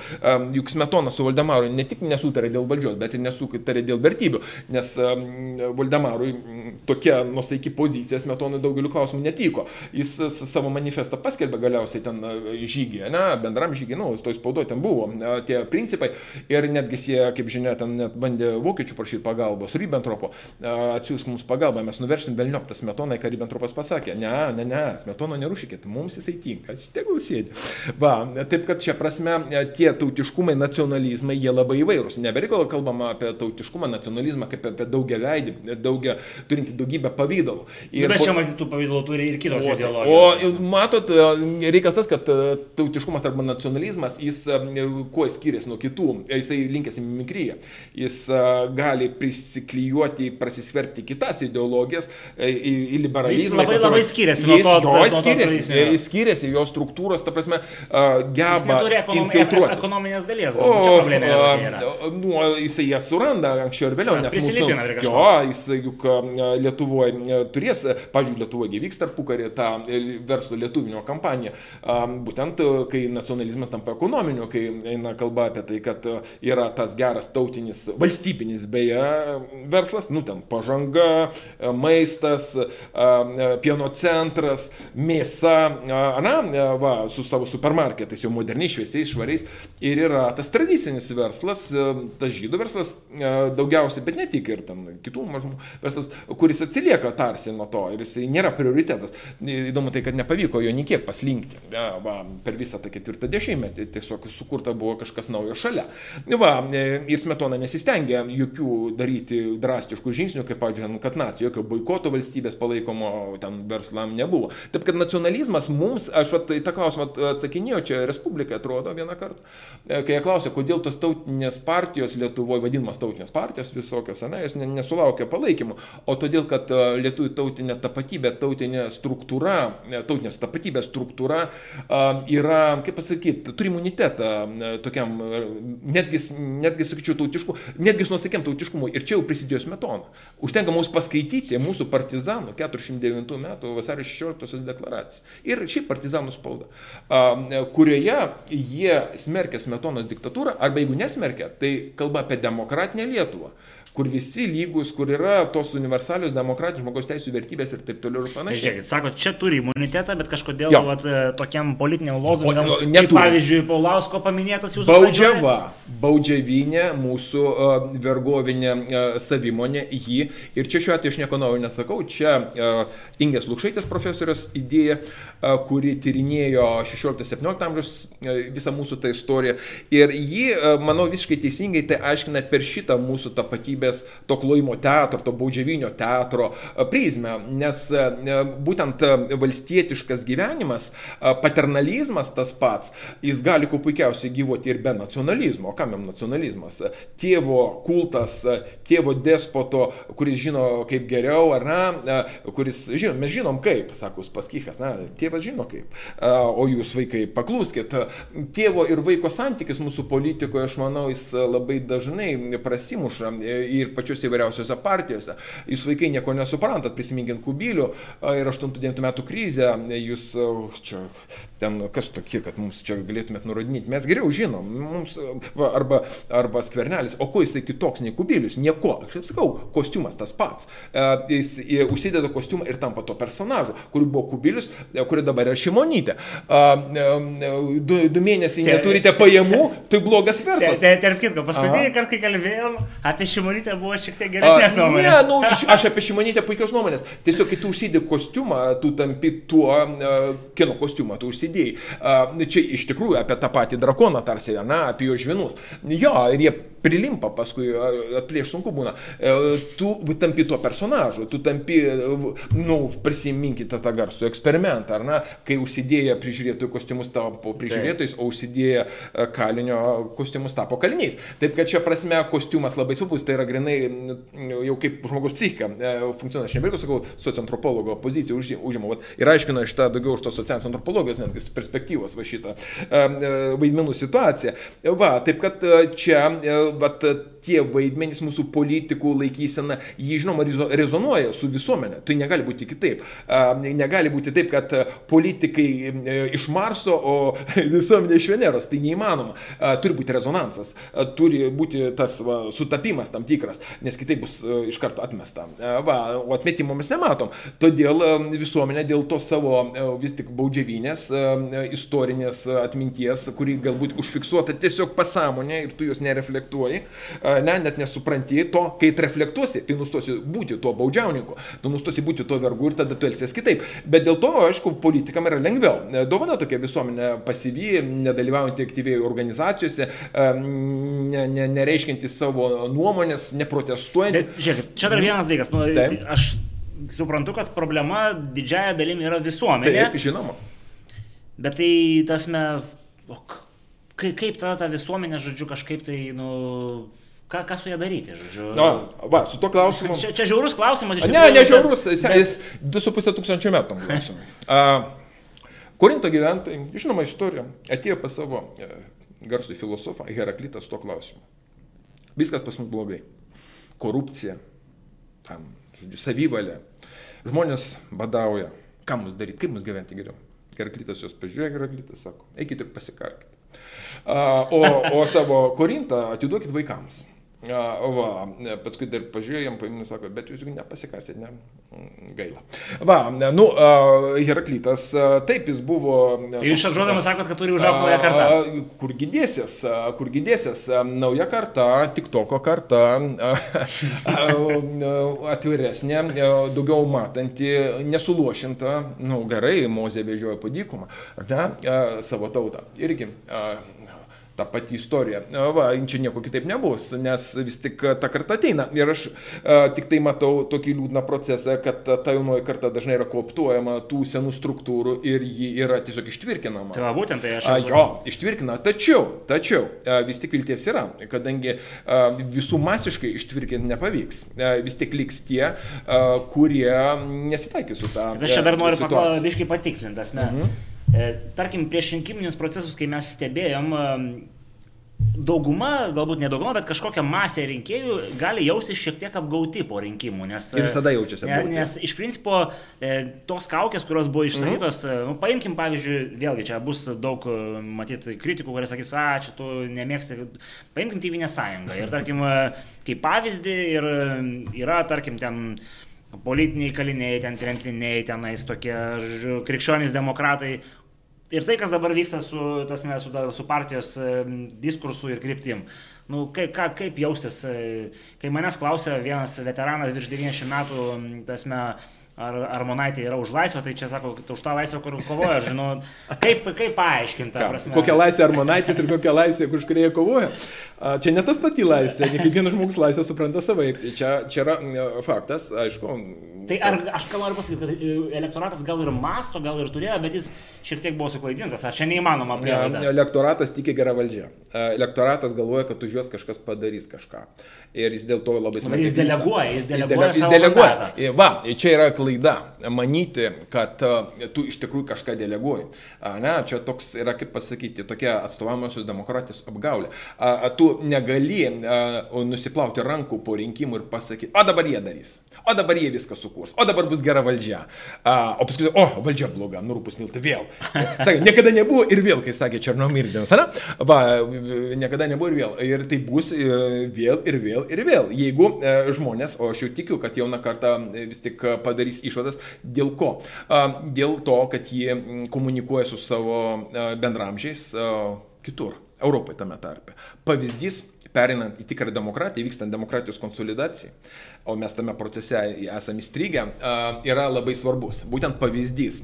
Ir nu apie tai rašė visi faktiškai tranzitologai, pabrėždami būtent demokratizacijos, na, vat, sėkmės vienokius ar kitokius scenarius, aiškindami juos. Va, yra pavyzdys. Jeigu yra pavyzdys, tu gali į, į tai lygiuotis. Pažiūrėkime Baltarusiją, na, vat, užaugo nauja karta su Šengeno vizomis. Taip. Baltarusių visuomenė viena daugiausiai turinčių šiandieną vizų visuomenę. Daugiausiai keliaujantį per Vilnių, Vilnius trečioji ten, kaip sakė, sostinė ar antroji sostinė, kaip ten sako, Baltarusijos. Taip. Nes jie per Vilnių keliauja, Europą mato, kaip ten gyvena žmonės ir irgi nori taip. Mes norim kaip Europoje. Mes norim kaip tenai. Iš čia ir visa ta LDK, ta tokia, na, istorija iškilusi, kurią norėjo ir Lukašenka pasinaudoti savo tikslais. Va, bet esmė ta, kad pavyzdys jis užkrečia iš tikrųjų. Ir dėl to va, ta jaunoji karta, kuri labiau juda, kuri daugiau mato, kuri daugiau sėdi tik tokia, kuri atviresnė pasaulį, jį perima tas praktikas. Ir va čia aš noriu tada duoti vieną tokį pavyzdį. Tarkim, paimkim Vokietiją kaip pavyzdį ir dabar neseniai pas, buvo partijos žodžiu, ten mm. vadovybės e, perturbacijos. Ir mes matom, kad, nomen, e, tasme, netgi partijos viduje, valdačios partijos mm. buvo vienas e, favoritas, bet atidavė valdžią nomenklatūrščikui.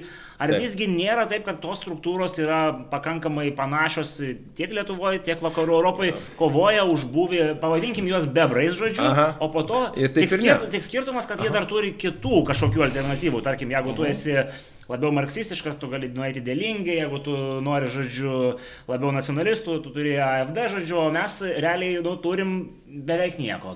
Tasme, du avus ir, ir viskas. Kaidėmų partijos problema yra Angela Merkel. Didžiausia jų problema, jis sėdė valdžioje tiek pat beveik kiek Putinas. Būtent. Ir jie jau seniai prado ryšį su tikrovė, aš manau. Tiesiog toks, toks ilgas buvimas valdžioje, jis ką nori išves iš proto, plus dar buvusi komjaunuolė. Kas irgi uždėjo, aš sakyčiau, svarbiausia ne tai, kad į pastorius dukra, o tai, kad į buvusi komjaunuolė. Va, ir čia jį nenuėjo tas į naudą. Ir faktiškai, vat, kai lyderis užsisėdi tiek valdžioje, ar tai bus Rusija, ar bus Vokietija, čia partijų šiuo atveju, nesvarbu, vyksta vadinamoji negatyvioji atranka. Negatyvioji atranka, kai partijos, tam sakykime, bosai į poziciją stato vis prastesnius ir prastesnius kandidatus. Ir tai, aišku, veda į partijos degradaciją degradacija, nebejotinai mes tą stebim, krikščionių demokratų partija dėja degraduoja Vokietijos labai smarkiai. Tas atvėrė duris, kas atvėrė duris alternatyvai Vokietijai? Na, atvėrė duris ne tai, kad Putinas ten profinansavo juos gerai, ar kad nu, ten... Putinas, uh, jo, Putinas finansuoja viską. Visu, jo, visus radikalus. Ir dešiniam, ir kairiam, jis visus finansuoja. Bet netgi ne tik radikalus, jis kažkuria prasme finansuoja ir Vokietiją, ta prasme ir... ir, ne, čia, va, tvirkina, ja, tvirkina, tvirkina. Platesnė prasme. Nu, šredizacija, iš to žinoma. Jo, jo, jo, čia tas yra. Nu, tai aišku, kompleksinė prieiga. E, tu kompleksiškai turi, jeigu tu nori sunaikinti savo priešą, tu ir, ir dar kartą paim Berliną, ar ne, kaip ten sakė rusai, можем повторить, taip, spasiba dėdų za pabėdų, dėdas dabar bunkerį kaip tik yra ir turi rūmus neblogus netgi su striptizu ir, ir, ir akva diskoteka, nu dabar jau. Bet čia, bet čia, sen, jo, jo, jo, čia senos naujienos, tik iš vėl iš vėl. Jo, bet akva diskoteka, klausykit, aš irgi noriu. Uh, ne, ne. Tai nieko, o vėliau ant stogo galima įrengti įrengti viskas čia. Ne, ne tas, ne tas. Rūmai, na, gelenžykė ten geras dalykas. Bet kokiu atveju, suprantama, kompleksinis prieimas, bet kalti, žinoma, patys vokiečių politikai. Ir tas Merkel sėdėjimas ir įsivaizdavimas to, vat, ant, ko, ant kokio kanto politikas išprotėjo. Jis išprotėjo ant to kanto, kad įsivaizduoja, kad jis ar nepakeičiamas. Kad, o kamgi valdžia perda? Vaikai!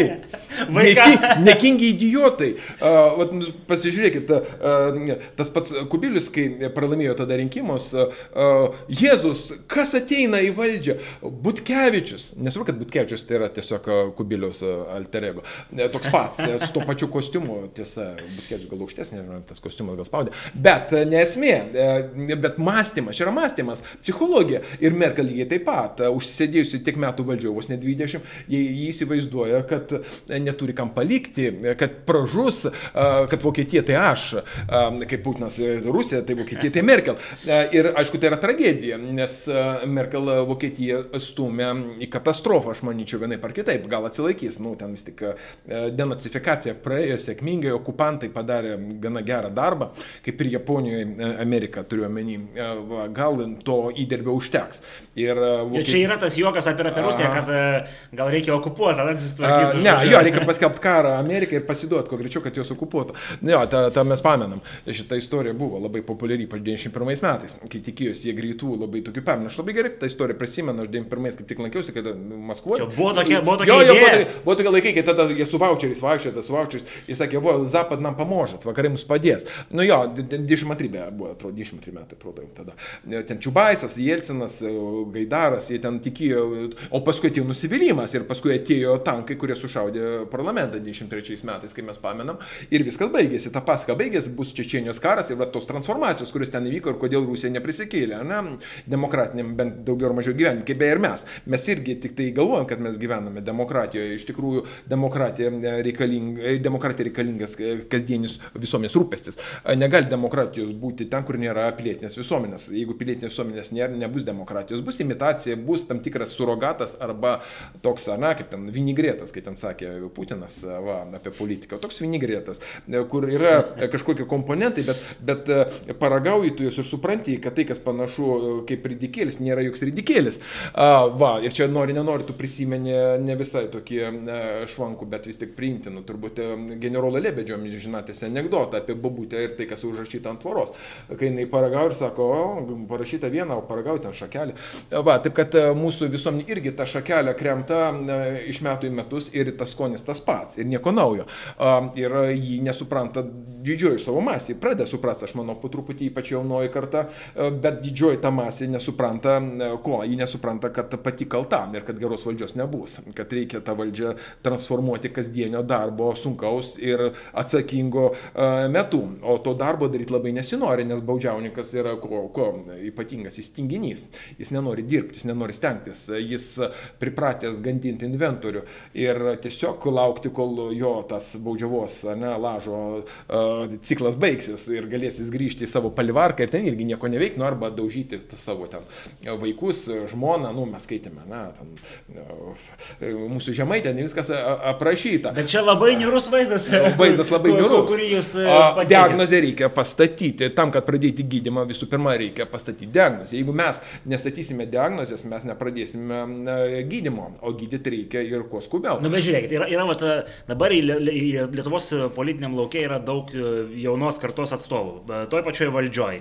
Laisvės partija, Tevinės sąjungos atsinaujinęs flangas, nu, atskira tema, čia reikėtų visas laidos. Taip, taip. Bet tai Ir va dabar jūs sakot, kad reikia diagnozės, tai jiem matyti taip netrodo, kad kažkas yra blogai. Ramonaitė, jeigu čia sėdėtų šalia, būtų įdomu paklausti, ar, ar jai kaip jaunos kartos atstovai atrodo, kad mhm. va, jūs sakot, mes negyvenam demokratijoje, jinai man atrodo paprieštarautų. Aš taip spėju, gal, gal klystu. Uh, uh, sena sistema į kurią įeina nauji žmonės, jie juos, jie juos labai greitai suvirškina. Tam, kad nesuvirškintų reikalingas politinis stuburas. Daugumas tų jaunuolių žavingų, taip, kurie netgi su užsienyje studijas baigia, E, jie neturi politinio ir vertybinio stuburo, jokio. E, jeigu, bet anksčiau, kaip sakiau, to stuburo buvo katalikybė e, ir vienintelis mūsų, tarp kurybėje pažangos, aš sakyčiau, toks šviesulys buvo Krikdemų partija, būtent Stulginskio Krikdemų partija. Tai dabar mes to neturim.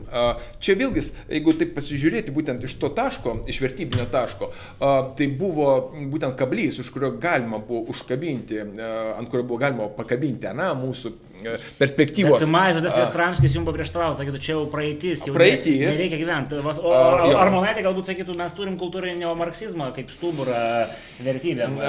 Nu, tai reiktų jį e, paklausinėti detaliau, kaip ne tą kultūrinį marksizmą supranta ir kas tai yra tas kultūrinis marksizmas ir kiek e, nu, kaip, liberalai taigi, taigi Marksą apskritai skaitė. Taigi mes matom, ta prasme, tarkim, Sakykime, nėra mhm. problemų, Seimas e, galvoja, kaip tualetus sutvarkyti, žodžiu, kad neliktų tasme, ženkliuko, kuris apriboja kažkieno, tai vadinasi, nu, yra. yra nu, matot, atskirkime įvairią tokią, aš sakyčiau, nu, frikuojančią politiką nuo to esminio diskurso.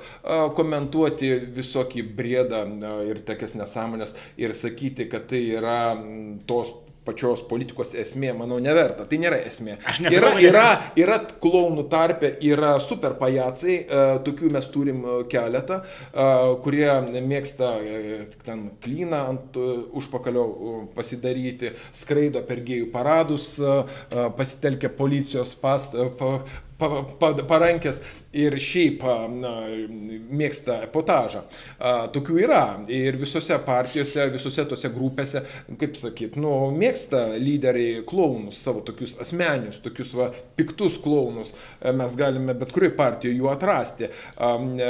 Yra Madame Še kažkur, Ana, yra ten, va, ta, ten kiti veikėjai. Tiesiog jeigu, jeigu jų nebūtų, reiktų sugalvoti, aš mančiau, šitoj, va, grinai mūsų politiniai toj e, tikroviai, be jų neįmanoma. Jie tiesiog yra tas būtinas atributas. Jie nukreipia dėmesį, jie, pavyzdžiui, e, atlieka dar vieną ir funkciją labai svarbią. Jie, nu, mm, diskredituoja svarbias politinės temas. Jie, pavyzdžiui, diskredituoja tradicinės vertybės, jeigu kam patinka tas temas, arba krikščioniškas vertybės. Nemanta, jo, jo, jo, nori pasityčioti iš krikščioniškų vertybių, pastaty gražulį, kad jis už jas kovotų. Um, Kaip Tapinas jums pasakytų, o kas puola tradicinės vertybės, kodėl jas reikia ginti, žodžiu? Jas nereikia ginti iš tikrųjų, bet, bet jas reikia sunaikinti, pavyzdžiui, kai kuriais atvejais. Na, jas reikia diskredituoti, kad ir noras nekiltų apie jas kalbėti.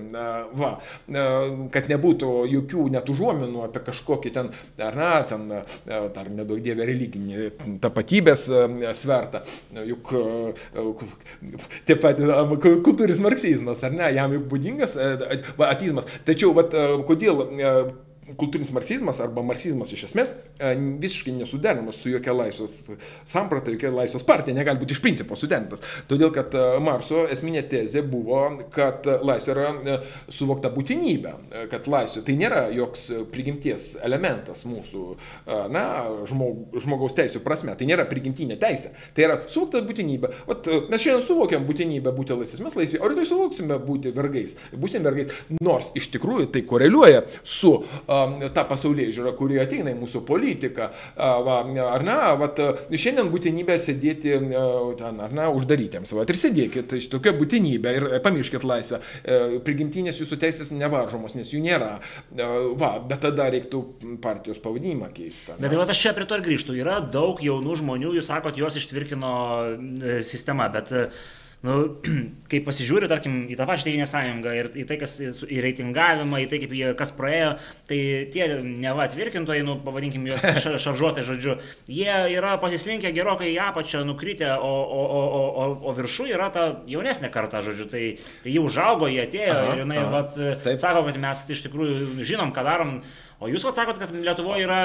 Nu, čia irgi veikia. Šikna, jo, jo, jo. čia irgi veikia negatyvi atranka. Ta pati negatyvi atranka. Nes, tai jūs norite pasakyti, kad tokie um, politikai kaip Ingrida Šimonytė ir Gabrielius yra degradacija nuo buvusio establishmento? Šimonytė nėra naujas žmogus kaip minimum, aš sakyčiau. Bet, nu, toks tranzitinis, jo, per vidurį. Va, Gabrieliui vertinsim, aš manau, po kiek laiko, kol kas, aišku, rankos vyram klausant, į būtent ministro postą. Nu, jis apima, aš nekada, jo. Twitterį, kad Aha. world is, kaip ten, žodžiu, concerned, America. World is not enough. Tokiam herojui. Jo, pasaulio mažai. Uh, ne, ne, bet ten buvo kitas, jis ten buvo iš, išreiškę Amerikos atveju, ten, žodžiu, įvykių kontekste. Ja, ja, ja. Prisistatė kaip pasaulis, kuris yra su, su, jo, jo, jo, jo. sunerimęs. 38 Kinijos perspėjimas, mes žinom. Čia nieko naujo, bet vat, iš tikrųjų aš nemaniau, kad gali būti dar kažkas blogiau. Nei koks valionis, nei koks dar, pamenat, buvo toks pas mus ministras Linkevičius. Nu, jie, jie va. Deep State kontekste jie vertinami labai gerai. Kaip, o, va, būtent, kokybiški. Va, būtent, būtent, būtent kaip sakė rusai, nabizarybė yra kryba. Va, taip kad jeigu neturi žuvies, tai ir vėžys praeis. Aha. Va, taip kad praeidavom, praeidavom, o dabar mes matome politinę, politinės raigės tiesiog. Aišku, gurmanam tai patinka, bet jau tikrai reikia būti dideliu gurmanu. Turbūt, kad įvertinti dabartinių ministrų, ypač kai kurių, ar na, veiklą, nors dar šimtą dienų nepraėjo, bet jau, jau praėjo, nes karantinas viską pagreitina. Ir eina, kaip ten sakė, į ką, sėdint įkalimų įstaigoje, viena, tai kaip ten, tris dienos už, už vieną, žodžiu, jo, eina greičiau. Tai jau praėjo jo, jau, jau praėjo, jau šimtas dienų praškai praėjo, mė, mė, va, tai jo, viens prie trijų, viens prie trijų. Tai mes užtat ir galim sauliaisti kalbėti kitaip, mes jau kai kalinti karantinę sėdėdami. Va, taip kad čia prasme. ar, ar, ar iš tikrųjų, vat, paklauskim tada išvertę savoką, ar yra kažkoks progresas mūsų pilietiškume, tas mes savimoniai, žiniasklaidoje, kuris kažkaip tai atsivers, nes mes iš šaržuotai sakom, tik, Jo. to, tik toko kartą išneš, bet ar tikrai jinai išneš. žiūrėkit, yra, yra vis tik vilties, kodėl. Vienaip ar kitaip demokratijos kokybė dar turi vieną svarbų rodiklį - ekonominį. Tai yra, a, ubagų visuomenė negali būti demokratijos iš principo. Ubagai visada išsirinks, na, nu, grubiai tariant, Hitlerį, ne? arba ten, kaip va, Egipte, išsirinko jie po to arabų pavasario. Nu, jie nori isla- jie nori diktatoriaus, brolius jie- jie nori gero A, Jo, jie nori tėvo patriarcho. A, Bet kai kyla žmonių gerovė, a, o Lietuvoje nors labai kreivai, bet jį kyla ir jaunoji karta, tie, kurie dirba su IT sektoriumi, dirba su kažkokiam kitom inovacijom, nesvarbu, ten, va, ir gauna didesnės pajamas, nu, sakykime, ten a, 3000 plus ir panašiai. Tai keičiu mąstymą ir keičiu poreikius. Tiesiog atsiranda po truputį poreikis normaliai politikai tame tarp ir normaliam interesų atstovavimui, normaliom institucijom. Visuomenė turi turtėti. A, Ubagų visuomenė negali gyventi demokratijoje negali gyventi su normaliom institucijom. Galiausiai ta pati Anglija e, 19 amžiuje, Dickensą, paskaitykim, kokie ten teismai. A, Taip, taip, Dickensas, jis viską prašė. Anglija ėjo sunkų kelią, per sunkų kelią, per tris rinkiminės reformas, kol pasiekė daugiau ar mažiau adekvatų politinį e, būvį. Bet tam buvo reikalingas ir socialinių interesų atstovavimas, ir galiausiai tų pačių leiboristų ateimas, kurie patraukė e, vygus e, tos pačius liberalus, vadinamus taip, klasikinius. Va, ir va, e, tai tapo tam tikrą prasme saugikliu. E, Visuomenės turtėjimas, e, visuomenės pajamų, tame tarp ir tolygumas, čia kitas labai svarbus rodiklis, jis e, yra, aš manyčiau, vieninteliu realiu demokratijos tokių, nu, prievaizdų. Ar kaip Tai pasakyti? čia mes dar turim tokią Jo. savoką, apie kurią kalba ten ir tas pats Davosas, resetas. Tai, tai gal, e, vat jūs sakot, kad reikia turtėjimo, resetas matyt kitą duotų dar galbūt veiksnį, konsoliduotųsi, kas turi konsoliduotis, o mm. kiti tiesiog apniktų, tai Tu- paprasčiau būtų juos e, tvarkyti. Toli, ne, tai čia vat, yra kaip. Yra, yra, yra turtėjimas, yra ir būtent e, tolygumo klausimas taip pat. E, Pajamų, finansų tolygumo. Nu, mes matom, pa, pa, apie, ko- apie kokį tolygumą gali būti, jeigu Jo. maksimui tu dabar gali pirkti siurblį, o jeigu tu turi siurblių parduotuvę, tavo parduotuvė uždaryta. tai čia yra anomalija, su kuria mes susidurėme dėl absoliutaus biurokratinio ir politinio stebėžimo idiotizmo. Bet ar čia idiotizmas, ar čia yra tendencingas atstovavimas? Čia yra intereso? imitacija to, kad mes kažką darom. Ir tai nėra tik Lietuvoje, tai mes matom Italijoje, ten irgi premjeras labai įdomus. A, Ir matome Vokietijoje, kur ir Prancūzijoje, kur a, Makronas a, išėjęs už galvos susijęs, sako, vaje, pas mus trys mėnesiai komendanto valanda ir ji neveikia. Gal pabandom respiratorius panešioti. Aš sakyčiau, būtų visai prasminga gal pabandyti ant rankų pavaikščioti, gal tai padėtų. Bet kokiu atveju e, yra labai daug tos imitacijos ir irgi demokratija tame tarp irgi skatina tą imitaciją. E, Žmonės nori sprendimų, nori efektyvių kažkokių žingsnių, kad situacija staiga grįžtų į tas kažkokias normales e, vėžes. Ir politikai tą bando daryti. Plus dar idėja, kad jeigu daug žmonių mirs, tai teks jiems atsakyti. Tačiau rezultatas yra priešingas, mes tą labai gerai matom, rezultatas yra priešingas. Ir, žinot, labai vat, įdomu, vat, pažiūrėti, koks kriterijus yra to mūsų viso viešo administravimo, politinio gyvenimo e, galėtų būti, o galėtų būti mirti žmonių. O kuria prasme mirtis? Mes matome, pavyzdžiui, tokį skaičių, čia buvo, na, ten tūkstantis su kažkiek mirčių buvo kažkur dingę. Na, nu, pamat, lapkričio atrodo mėnesį ir gučiu. Iš jų e, tik trečdalis e, mirusių nuo COVID. Visi likusiai supras, nu, kiek čia išeina santykis vienas per trijų, mirė nuo kitų priežasčių. Tai yra nuo kraujagyslių, nuo infarktų, nuo vėžio. Ir čia pradedi tada savęs klausti. Ir mes matome visur pasaulyje, dabar tam civilizuotam Europo, Europos pasaulyje, matom perteklinių mirtingumo skaičius. Taip, kad čia yra vienas labai toks keistas dalykas. Aha. Afrikos žemynas, dėl kurio labai bijojo, kad jisai nukentės nuo COVID, nukentėjęs yra mažiausiai. O, o čia yra to nešvaraus, kabutėse, gyvenimo gyvenimo imunitetas. Ar ne, kai žmonės gyvena nesterlioje aplinkoje, e, tas gali paskatinti šiek tiek didesnį atsparumą zarazai. E, galiausiai e, ir statistikos ten ir kam skaičiuoti, čia atskira istorija. Nu, va, čia irgi tą galima, ten tiesiog, tiesiog nežino, kad yra kažkoks virusas. Bet kai mes matom perteklinį mirtingumą ir tas mirtingumas kai kur yra 15 procentų, kai kur 25 procentai. Ir tu tiesiog paskaičiuoji, o kiek tame perteklinėme mirtingume yra net oficialiai skelbimu, na, Pagrindiniu atveju, tu supranti, kad tai yra mažuma. O visa kita tai yra e, tai, ko galėjo ir nebūti. Jeigu šito niekas medijoje neparašys. A, neparašys. Šito, ne, nesufokusuoja dėl to. Dėl to, kad tai būtų uh, uh, spyris į paširdžius. Bet ar žlugę žmonių verslai, ekonominis gerbuvis ne, ne, ne, ne backfirins? Backfirins nebejotinai ir labai smarkiai. Paprastai viskas būdavo atvirkščiai. Iš pradžių karas, paskui epidemija. Dabar gali būti atvirkščiai. Tai yra, iš pradžių bus epidemija, paskui bus karas. Noriu tikėti, kad tos prognozijas visiškai pesimistinės, hiperpesimistinės nepasitvirtins. Tačiau įniršį lūkesčius yra susikaupęs didžiulis ir jis vienai per tai prasiverš. Be to yra vienas toks netikėtas rezultatas to viso mūsų to pandemijos epizodo. O būtent, kad tokiom atsilikusiom ekonominė prasme šalim yra šansas, kaip Lietuva, yra šansas truputėlį prisvyti dėl ekonomikos struktūros. Reikia tas, kad pas mus kurie ekonominiai sektoriai, kurie labiausiai nukentėjo Europoje, yra mažiausiai išvystę. Na, kaip ten mūsų banko prezidentas, kiti sakė, o, mes kaip mažai krytom. O jūs kodėl mažai kryto? Todėl, kad tie sektoriai sektoriai, kurie krito Europoje, pas jūs iš vis neišvystė. Nėra nei turizmo, nei kitų tų infrastruktūrų, pavyzdžiui, apgyvendinimo ten ir taip toliau, taip toliau. Tai jūs negalite niekur kristi. Restoranų normalių nėra Lietuvoje. Du, trys restoranai. Nu, nežinau. Ja, va, nu, užkalnis randa, užkalnis randa. Taip, nu, viena kita. Jo, jo, jo, bet čia yra toks šansas. Tačiau greičiausiai jis nebus išnaudotas, kadangi vis tik nekompetencija yra akis rėžinti. Vat, kaip ir sakau, tos mirtis, aišku, perteklinės labai gerai parodo efektyvumą arba neefektyvumą. Kitas dalykas, tos pačios politikos imitacinis charakteris, kai mes labai gerai matome, jog net ir tos paramos niekam nesugeba organizuoti, net iš skolintų pinigų. Tie pinigai tiesiog neteina, verslai tų pinigų tiesiog nemato, jų negauna ir netekia ne, ne vilties, jie, nu ką, viską uždaro. Ir ta griūtis, žinoma, bus, manau, Europoje labai labai rimta, pavasarį ir galbūt va, rūdienį labiau. Ir, Prognozijas jau yra. Jo, jo, jo, jis bus.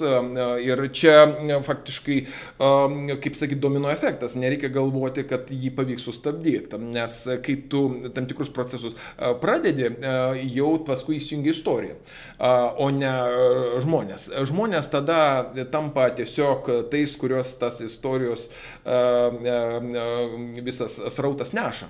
Tada tu jau nebe, tu gali pakelti tą užslaną, tą, žodžiu, sklendę, jo, tu gali pakelti tą sklendę tiesiog, atsukti sklendę, bet tu paskui tu jos neužsuksi. Tai va, faktiškai tai, kas daroma Europoje, aš sakyčiau, ir buvo tos sklendę ligoninės atidarimas, bet nepagalvoti apie tai, o kaip tu ją uždarys. E, uždaryti jos nepavyks. Ir čia bendra problema tik kitais lygmenimis to viešo administravimo. E, viešas administravimas tokiai biurokratiniai e, organizacijai kaip ES žemiau bet kokios kritikos. Bet pas mus dar blogiau. Mes tarp blogiausių, patys blogiausi. Iš tikrųjų. Ir viešo administravimo, ir politikos kokybės prasme. Nes tai yra tiesiog oficialūs duomenys, galima pasižiūrėti. Tiesa, mūsų biurokratai paskui pakeitė truputėlį kriterijus vertinimo kriterijus, pagal ką vertinamas tas viešo administravimo kokybės na, momentas. Ir tada jie pasidarė truputėlį geresnį, man atrodo, aplenkė rumūnus ir bulgarus. Nu, truputį aplenkė. Va, e, bet tai yra katastrofa, žinoma. Ir aišku, vienai par kitaip mes atsiriamėm į, į, į tai, o kasgi yra pakaitalas tos normalios politinės sistemos, kuri galėtų būti esant, nu, ten daugiau ar mažiau aktyviai ir turtingai visuomeniai. O mes turime pakaitalą tą, kuris egzistuoja trečiojo pasaulio šalise visada, tai yra sisteminė korupcija. Nu, sisteminė korupcija korupcija nieko nenustebinsi Lietuvoje. Apie tai kalba iš aukštų tribūnų net mūsų prezidentai. Nepotizmas, oligarchatas, sisteminė korupcija. Adamkus, Grybauskaitė, nausėda ir Gerai, dar gerovės valstybė. Va, bet tu supras, kad tu eliminuoti sisteminės korupcijas negali, nes šita korupcija yra sisteminė, tai yra sistema. Sistema, kuri keičia, pavyzdžiui, tai, ką mes laikome, nu, tą viešąją politiką arba skai, laikome skaidrių sprendimo prieimimo kažkokiu mechanizmu. Tie mechanizmai tiesiog yra imitacija, jie neveikia, jie tiesiog yra tai sisteminė korupcija kaip tokia folija, kurią tu apvinioji tą sisteminės korupcijos karkasą, ant jo tam prikabinėtų kažkokių stikerių, užrašai legalų, užrašai konkursas teisėtas, nu kaip mūsų klasikas, все законно, va, viešas interesas, ten ir, ir taip toliau, taip toliau, tu gali ten tų stikerių daug ant to karkaso apviniuoto foliją priklijuoti ir va, tai mes ir vadinam būtent tą imitaciją, imitaciją tų pačių procedūrų, tų pačių institucijų, o realiai viskas veikia pirtyse, viskas veikia nelegaliuose viešnamiuose, viskas veikia medžioklėse. Tai yra vietose, kur mūsų politikai mėgsta leisti laiką. Ta prasme, jie nieko nesiskiria nuo Putino. Jie turi tas pačias Savkovas pramogas, kuriomis užkrečia ir jaunąją kartą. Mes pažiūrėkime, medžioklė su lankais. Juk jaunoji karta perima tradiciją. irgi nori kažką naujo į tą gerą sovietinę medžioklę ir jos ypatumus, ne, kažko papildyti. Va, kodėl kilo tos kipišas dėl tų visų urėdijų? O todėl, kad urėdijos mūsų tos realios, tikros politikos prasme labai e, svarbios institucijos. Juose vyksta e, orgijos politinės, kuriuose priimami realūs sprendimai. E, ten vyksta politinis procesas, o ne ministerijose ar Seime. Seimas dažniausiai, aš kiek suprantu, jis apiformina tai, kas nuspręsta būtent tenai. Jie tiesiog subėga ir prabalsuoja. Arba ten ministerijose patvirtina. Nu, ir dažnai būna istorijų, kai atbulinė data dar be to. E, jeigu įstatymas koks nors netitinka kokio nors sprendimo, tai to blogiau įstatymai. Juolap nėra kam jį bakstelti pirštu, nes išeis koks nors konstitucinės teisės ekspertas ir kas pasakys, Lietuva teisinė valstybė. E, ar ne, mes tai jau panam Šedbaras taip ir pasakė, Lietuva teisinė valstybė. E, va, o kas nesutinka, tai teismą paduosiu. E, va, taip kad, žodžiu, viskas, kaip sakysiu, zakona. Todėl Nereikia stebėtis, visuomenė po lašą, po milimetrą, po mažą, mažą gabalėlį gali atsikovoti tą savo viešą interesą, bet tam reikia labai rimtų pastangų, reikia labai daug pinigų.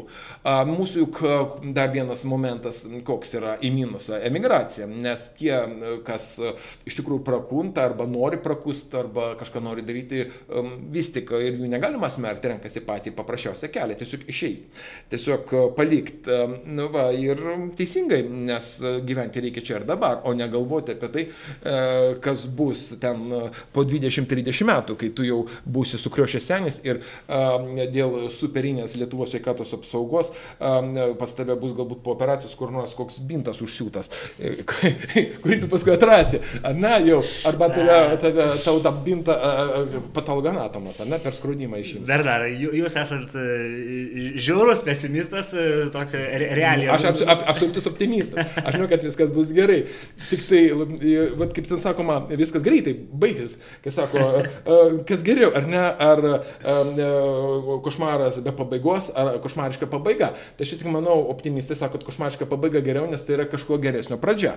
Nes jeigu košmaras be pabaigos, jeigu mes nestatom tam diagnozės, ar ne, ir nebandome niekaip to užbaigti, kad ir kaip tai drastiškai betrodytų, galbūt tai iš tiesų kažkokia perturbacija situacija, kuri netgi turės ne vidinį, o išorinį, na, visų pirma, pavydalą. Taip gali nutikti, nes mes gyvename dabar kelių didelių tokių parko statinių, na, kaiminystėje, tai yra Rusijos ir Baltarusijos, ten driokstels ir labai greitai, manau, nu, arba nedriokstels, bet greičiausiai vis tik sulauksim permainų rimtų ir jos gali smarkiai užkabinti kaimynus, o mes esame maži ir silpni, gali atsitikti taip, kad tie, kas pradės ten permainas e, Rusijoje, turiu vienį ir Baltarusijoje, ir pamirš, kad čia pabaltys yra NATO.